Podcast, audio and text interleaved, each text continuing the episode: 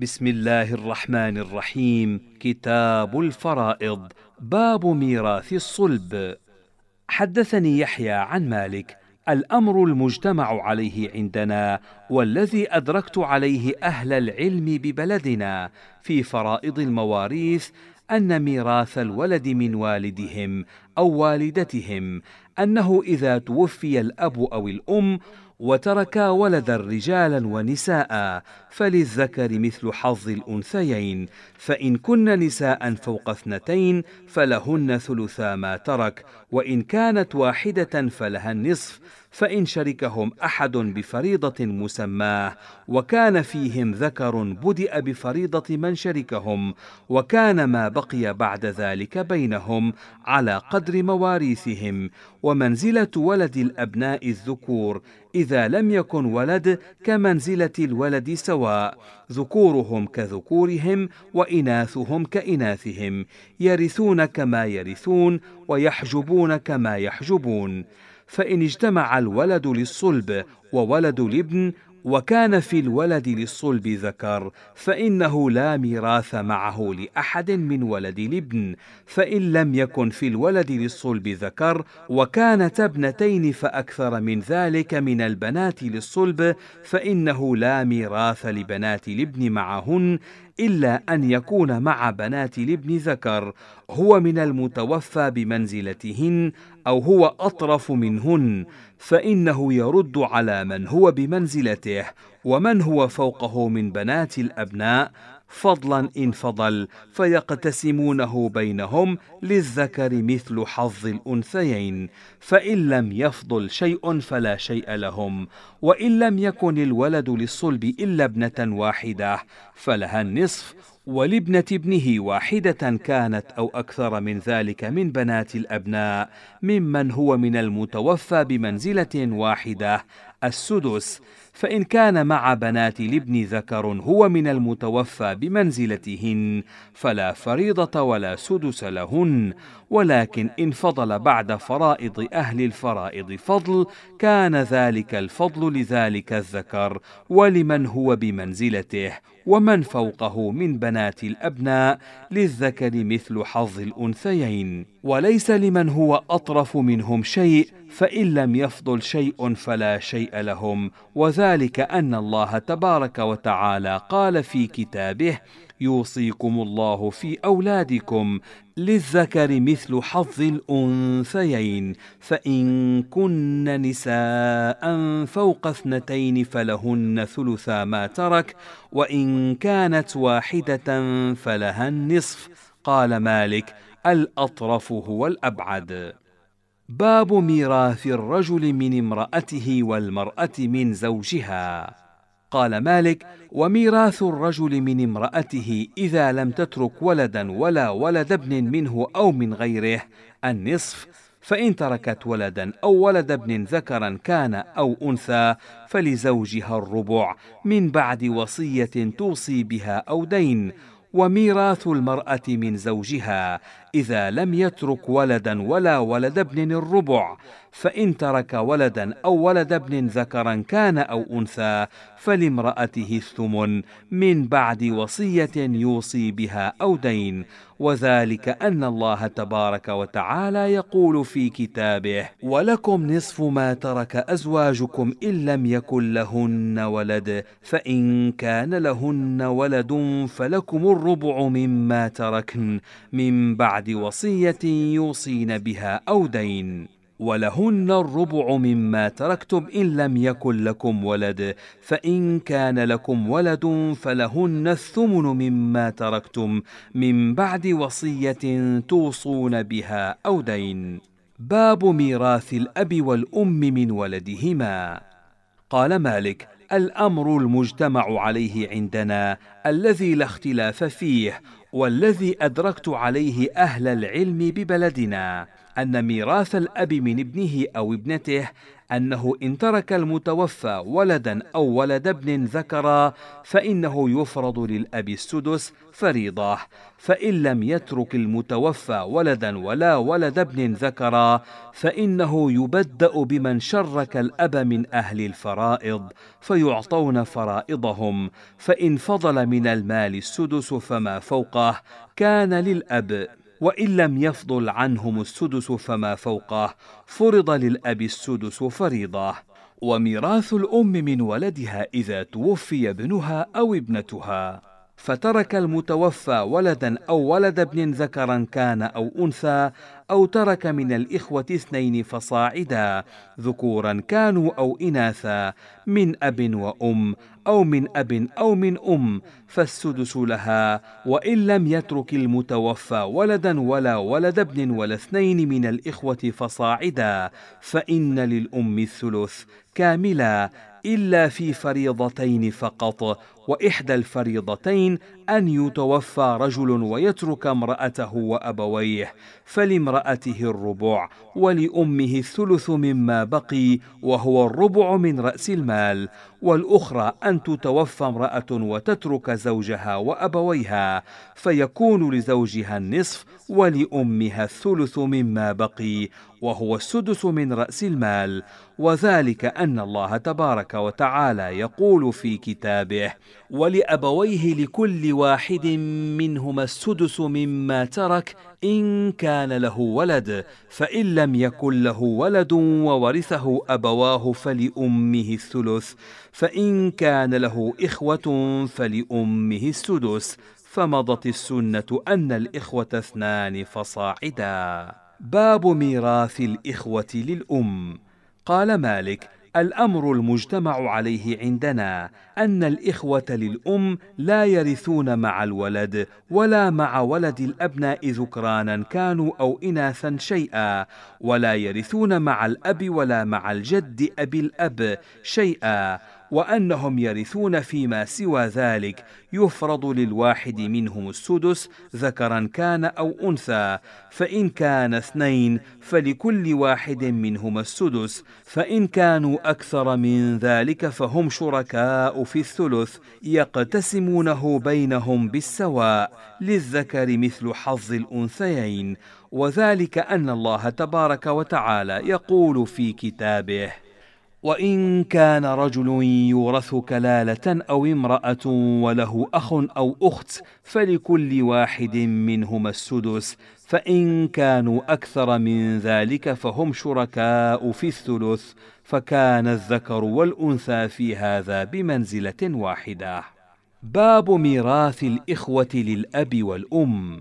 قال مالك الأمر المجتمع عليه عندنا أن الإخوة للأب والأم لا يرثون مع الولد الذكر شيئا ولا مع ولد الابن الذكر شيئا ولا مع الأب دنيا شيئا وهم يرثون مع البنات وبنات الأبناء ما لم يترك المتوفى جدا أبا أب ما فضل من المال يكونون فيه عصبة يبدأ بمن كان له أصل فريضة مسماة فيعطون فرائضهم فإن فضل بعد ذلك فضل كان للإخوة للأب والأم يقتسمونه بينهم على كتاب الله ذكرانا كانوا أو إناثا للذكر مثل حظ الأنثيين. فإن لم يفضل شيء فلا شيء لهم قال وإن لم يترك المتوفى أبا ولا جدا أبا أب ولا ولدا ولا ولد ابن ذكرا كان أو أنثى فإنه يفرض للأخت الواحدة للأب والأم النصف فإن كانت اثنتين فما فوق ذلك من الأخوات للأب والأم فرض لهما الثلثان فإن كان معهما أخ ذكر فلا فريضة لأحد من الأخوات واحدة كانت أو أكثر من ذلك، ويبدأ بمن شركهم بفريضة مسماه، فيعطون فرائضهم، فما فضل بعد ذلك من شيء، كان بين الإخوة للأب والأم للذكر مثل حظ الأنثيين، إلا في فريضة واحدة فقط، لم يكن لهم فيها شيء. فاشتركوا فيها مع بني الأم في ثلثهم وتلك الفريضة هي امرأة توفيت وتركت زوجها وأمها وإخوتها لأمها وإخوتها لأمها وأبيها فكان لزوجها النصف ولأمها السدس ولإخوتها لأمها الثلث فلم يفضل شيء بعد ذلك فيشترك بنو الأب والأم في هذه الفريضة مع بني الأم في ثلثهم فيكون للذكر مثل حظ الأنثى من أجل أنهم كلهم إخوة المتوفى لأمه وإنما ورثوا بالأم وذلك أن الله تبارك وتعالى يقول في كتابه وإن كان رجل يورث كلالة أو امرأة وله أخ أو أخت فلكل واحد منهما السدس فإن كانوا أكثر من ذلك فهم شركاء في الثلث. فلذلك شركوا في هذه الفريضة لأنهم كلهم إخوة المتوفى لأمه. باب ميراث الإخوة للأب. قال مالك الأمر المجتمع عليه عندنا أن ميراث الإخوة للأب إذا لم يكن معهم أحد من بني الأب والأم كمنزلة الإخوة للأب والأم سواء ذكرهم كذكرهم وأنثاهم كأنثاهم إلا أنهم لا يشركون مع بني الأم في الفريضة التي شركهم فيها بنو الأب والأم لأنهم خرجوا من ولادة الأم التي جمعت أولئك.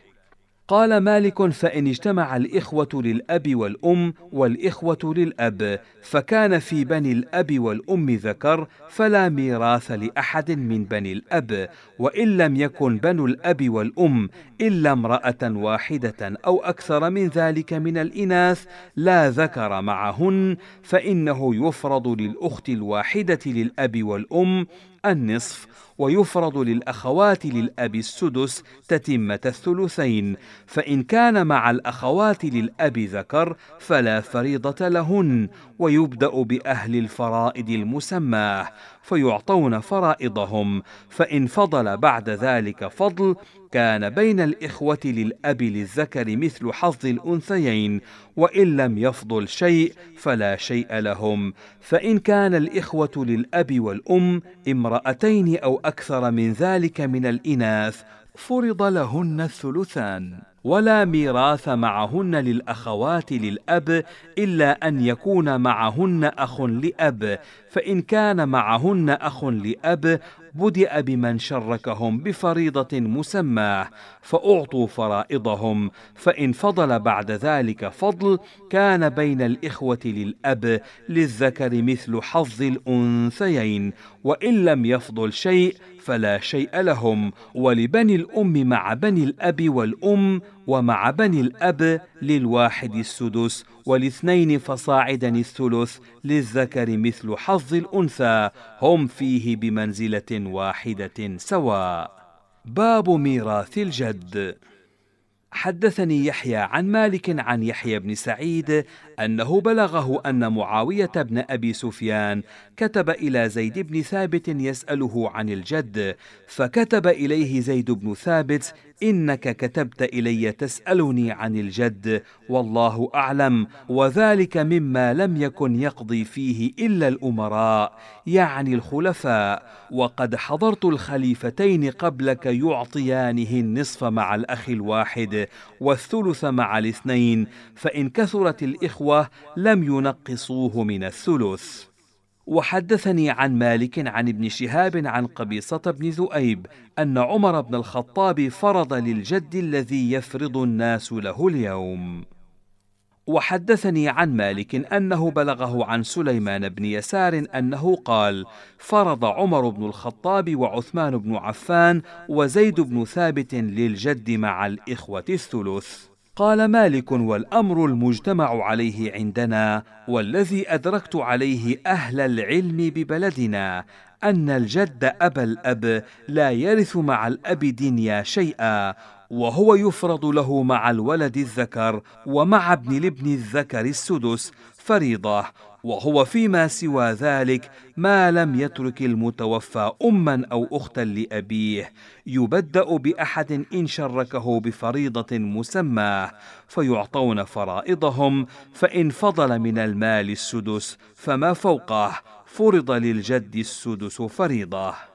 قال مالك والجد والإخوة للأب والأم إذا شركهم أحد بفريضة مسماه يبدأ بمن شركهم من أهل الفرائض فيعطون فرائضهم. فما بقي بعد ذلك للجد والإخوة من شيء فإنه ينظر أي ذلك أفضل لحظ الجد أعطيه.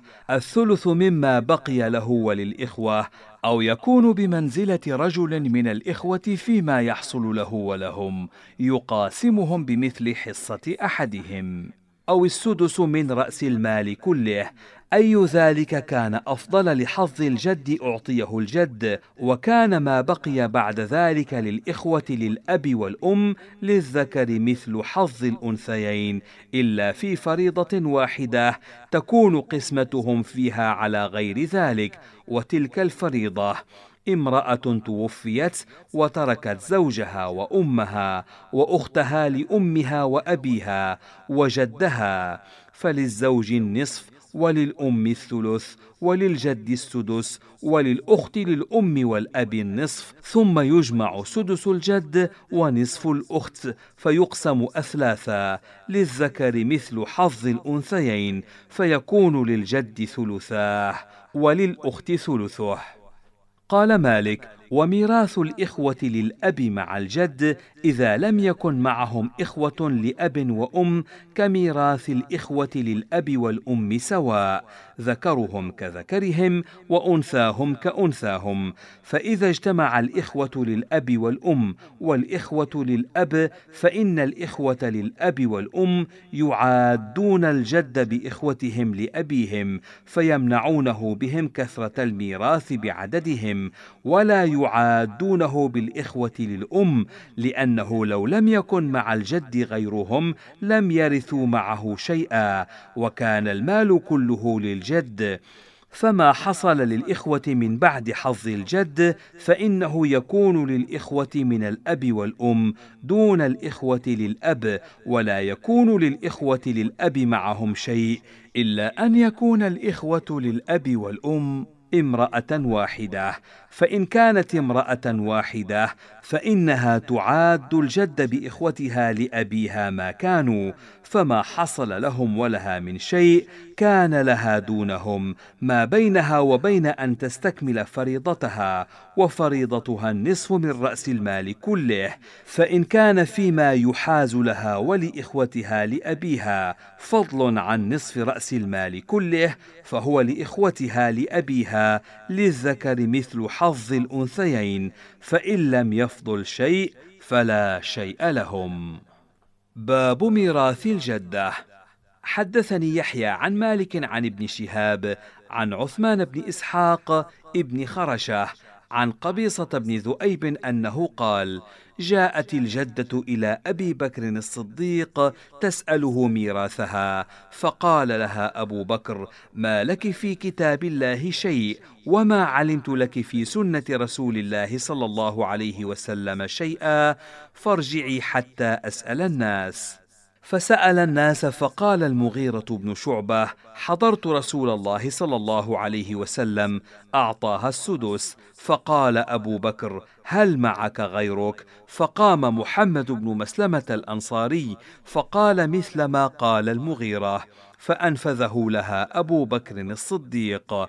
ثم جاءت الجدة الأخرى إلى عمر بن الخطاب تسأله ميراثها فقال لها ما لك في كتاب الله شيء وما كان القضاء الذي قضي به إلا لغيرك وما أنا بزائد في الفرائض شيئا ولكنه ذلك السدس فإن اجتمعتما فهو بينكما وأيتكما خلت به فهو لها. وحدثني عن مالك عن يحيى بن سعيد عن القاسم بن محمد أنه قال أتت الجدتان إلى أبي بكر الصديق فأراد أن يجعل السدس للتي من قبل الأم فقال له رجل من الأنصار أما إنك تترك التي لو ماتت وهو حي كان إياها يرث فجعل أبو بكر السدس بينهما. وحدثني عن مالك عن عبد ربه بن سعيد أن أبا بكر بن عبد الرحمن بن الحارث بن هشام كان لا يفرض إلا للجدتين.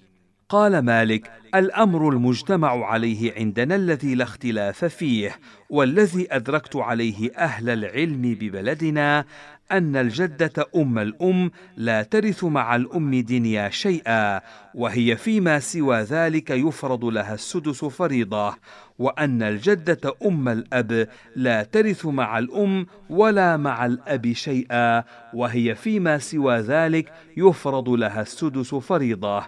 فإذا اجتمعت الجدتان أم الأب وأم الأم وليس للمتوفى دونهما أب ولا أم. قال مالك فإني سمعت أن أم الأم إن كانت أقعدهما كان لها السدس دون أم الأب وإن كانت أم الأب أقعدهما أو كانتا في القعدد من المتوفى بمنزلة سواء فإن السدس بينهما نصفان.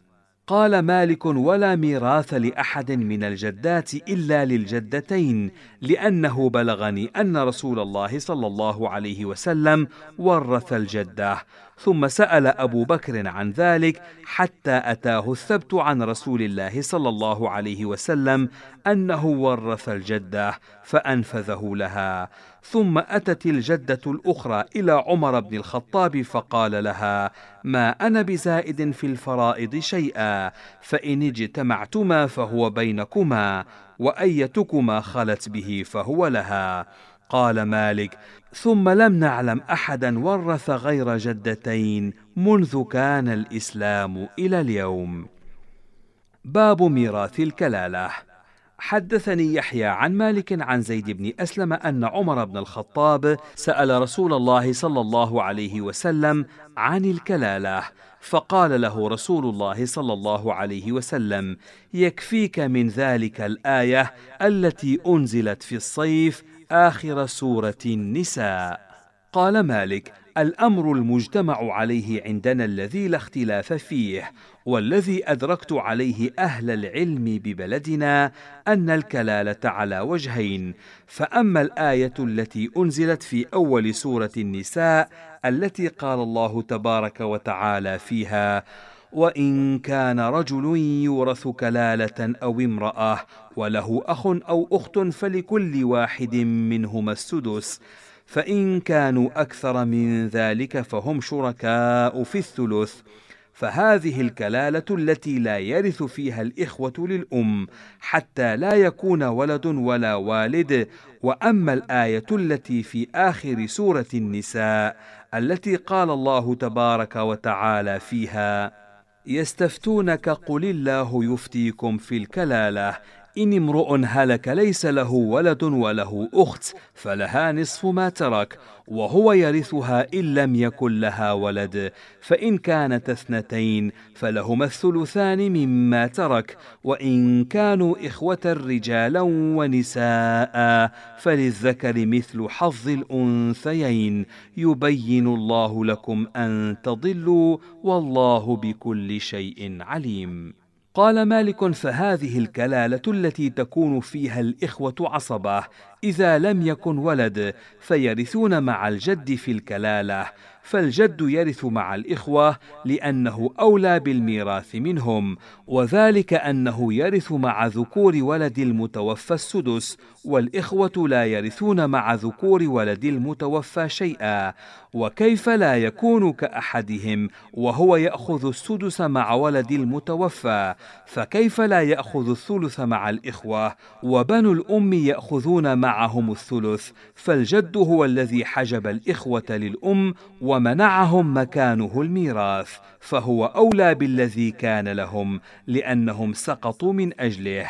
ولو أن الجد لم يأخذ ذلك الثلث أخذه بنو الأم فإنما أخذ ما لم يكن يرجع إلى الإخوة للأب وكان الإخوة للأم هم أولى بذلك الثلث من الإخوة للأب وكان الجد هو أولى بذلك من الإخوة للأم.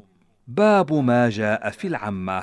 حدثني يحيى عن مالك عن محمد بن أبي بكر بن محمد بن عمرو بن حزم عن عبد الرحمن بن حنظلة الزرقي أنه أخبره عن مولى لقريش كان قديما يقال له ابن مرسى أنه قال كنت جالسا عند عمر بن الخطاب فلما صلى الظهر قال يا يرفأ هلم ذلك الكتاب لكتاب كتبه في شأن العمة فنسأل عنها ونستخبر عنها فأتاه به يرفأ فدعا بتور أو قدح فيه ماء فمحى ذلك الكتاب فيه ثم قال لو رضيك الله وارثة أقرك لو رضيك الله أقرك.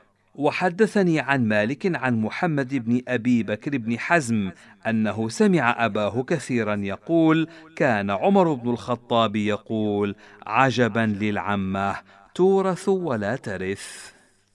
باب ميراث ولاية العصبة. قال مالك الأمر المجتمع عليه عندنا الذي لا اختلاف فيه والذي أدركت عليه أهل العلم ببلدنا في ولاية العصبة. أن الأخ للأب والأم أولى بالميراث من الأخ للأب، والأخ للأب أولى بالميراث من بني الأخ للأب والأم، وبنو الأخ للأب والأم أولى من بني الأخ للأب، وبنو الأخ للأب أولى من بني ابن الأخ للأب والأم، وبنو ابن الأخ للأب أولى من العم أخي الأب للأب والأم. والعم أخو الأب للأب والأم أولى من العم أخي الأب للأب، والعم أخو الأب للأب أولى من بني العم أخي الأب للأب والأم، وابن العم للأب أولى من عم الأب أخي أبي الأب للأب والأم. قال مالك: وكل شيء سئلت عنه من ميراث العصبة فإنه على نحو هذا، أنس بالمتوفى ومن ينازع في ولايته من عصبته فإن وجدت أحدا منهم يلقى المتوفى إلى أب لا يلقاه أحد منهم إلى أب دونه فاجعل ميراثه للذي يلقاه إلى الأب الأدنى دون من يلقاه إلى فوق ذلك فإن وجدتهم كلهم يلقونه إلى أب واحد يجمعهم جميعا. فانظر أقعدهم في النسب فإن كان ابن أب فقط فاجعل الميراث له دون الأطراف وإن كان ابن أب وأم وإن وجدتهم مستوين ينتسبون من عدد الآباء إلى عدد واحد حتى يلقوا نسب المتوفى جميعا. وكانوا كلهم جميعا بني أب أو بني أب وأم فاجعل الميراث بينهم سواء. وإن كان والد بعضهم أخا والد المتوفى للأب والأم وكان من سواه منهم إنما هو أخو أبي المتوفى فقط فإن الميراث لبني أخي المتوفى لأبيه وأمه دون بني الأخ للأب وذلك أن الله تبارك وتعالى قال وأولو الأرحام بعضهم أولى ببعض في كتاب الله قال مالك والجد أبو الأب أولى من بني الأخ للأب والأم وأولى من العم أخي الأب للأب والأم بالميراث وابن الأخ للأب والأم أولى من الجد بولاء الموالي. باب من لا ميراث له. قال مالك الأمر المجتمع عليه عندنا الذي لا اختلاف فيه والذي أدركت عليه أهل العلم ببلدنا أن ابن الأخ للأم والجد ابا الأم والعم أخ الأب للأم والخال والجدة أم ابي الأم وابنة الأخ للأب والأم والعمة والخالة لا يرثون بأرحامهم شيئا. قال وإنه لا ترث امرأة هي أبعد نسبا من المتوفى ممن سمي في هذا الكتاب برحمها شيئا. وإنه لا يرث أحد من النساء شيئا إلا حيث سمين وإنما ذكر الله تبارك وتعالى في كتابه ميراث الأم من ولدها وميراث البنات من أبيهن وميراث الزوجة من زوجها وميراث الأخوات للأب والأم وميراث الأخوات للأب وميراث الأخوات للأم وورثت الجدة بالذي جاء عن النبي صلى الله عليه وسلم فيها والمرأة ترث من أعتقت هي نفسها لأن الله تبارك وتعالى قال في كتابه فإخوانكم في الدين ومواليكم. باب ميراث أهل الملل. حدثني يحيى عن مالك عن ابن شهاب عن علي بن حسين بن علي عن عمر بن عثمان بن عفان عن أسامة بن زيد أن رسول الله صلى الله عليه وسلم قال لا يرث المسلم الكافر وحدثني عن مالك عن ابن شهاب عن علي بن حسين بن علي بن أبي طالب أنه أخبره إنما ورث أبا طالب عقيل وطالب ولم يرثه علي قال فلذلك تركنا نصيبنا من الشعب وحدثني عن مالك عن يحيى بن سعيد عن سليمان بن يسار أن محمد بن الأشعث أخبره أن عمة له يهودية أو نصرانية توفيت وأن محمد بن الأشعث ذكر ذلك لعمر بن الخطاب وقال له من يرثها؟ فقال له عمر بن الخطاب يرثها أهل دينها. ثم أتى عثمان بن عفان فسأله عن ذلك فقال له عثمان أتراني نسيت ما قال لك عمر بن الخطاب يرثها أهل دينها. وحدثني عن مالك عن يحيى بن سعيد عن إسماعيل بن أبي حكيم أن نصرانيا أعتقه عمر بن عبد العزيز هلك. قال إسماعيل فأمرني عمر بن عبد العزيز أن أجعل ماله في بيت المال. وحدثني عن مالك عن الثقة عنده أنه سمع سعيد بن المسيب يقول أبى عمر بن الخطاب أن يورث أحدا من الأعاجم إلا أحدا ولد في العرب. قال مالك وإن جاءت امرأة حامل من أرض العدو فوضعته في أرض العرب فهو ولدها يرثها إن ماتت وترثه إن مات ميراثها في كتاب الله. قال مالك الأمر المجتمع عليه عندنا والسنة التي لا اختلاف فيها والذي أدركت عليه أهل العلم ببلدنا أنه لا يرث المسلم الكافر بقرابة ولا ولاء ولا رحم ولا يحجب أحدا عن ميراثه. قال مالك وكذلك كل من لا يرث إذا لم يكن دونه وارث فإنه لا يحجب أحدا عن ميراثه. باب من جهل أمره بالقتل أو غير ذلك. حدثني يحيى عن مالك عن ربيعة بن أبي عبد الرحمن عن غير واحد من علمائهم أنه لم يتوارث من قتل يوم الجمل ويوم صفين ويوم الحره ثم كان يوم قديد فلم يورث أحد من صاحبه شيئا إلا من علم أنه قتل قبل صاحبه. قال مالك وذلك الأمر الذي لا اختلاف فيه ولا شك عند أحد من أهل العلم ببلدنا وكذلك العمل في كل متوارثين هلكا بغرق أو قتل أو غير ذلك من الموت إذا لم يعلم أيهما مات قبل صاحبه. لم يرث أحد منهما من صاحبه شيئا وكان ميراثهما لمن بقي من ورثتهما. يرث كل واحد منهما ورثته من الأحياء.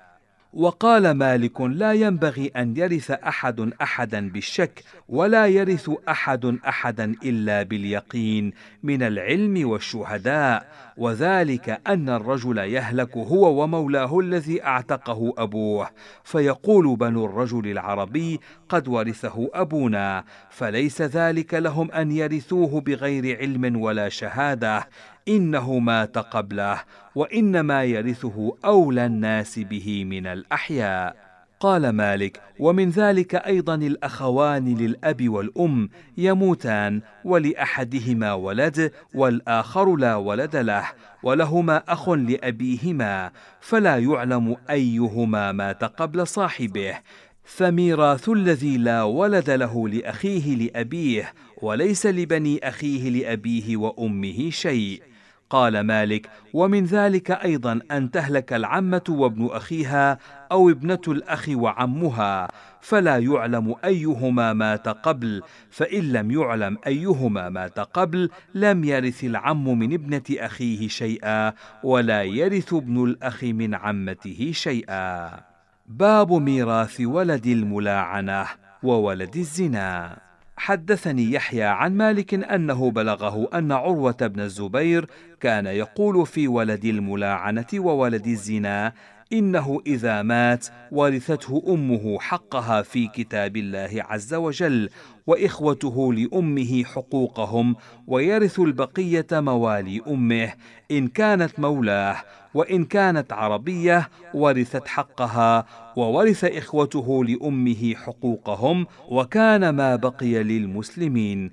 قال مالك وبلغني عن سليمان بن يسار مثل ذلك قال مالك وعلى ذلك أدركت أهل العلم ببلدنا.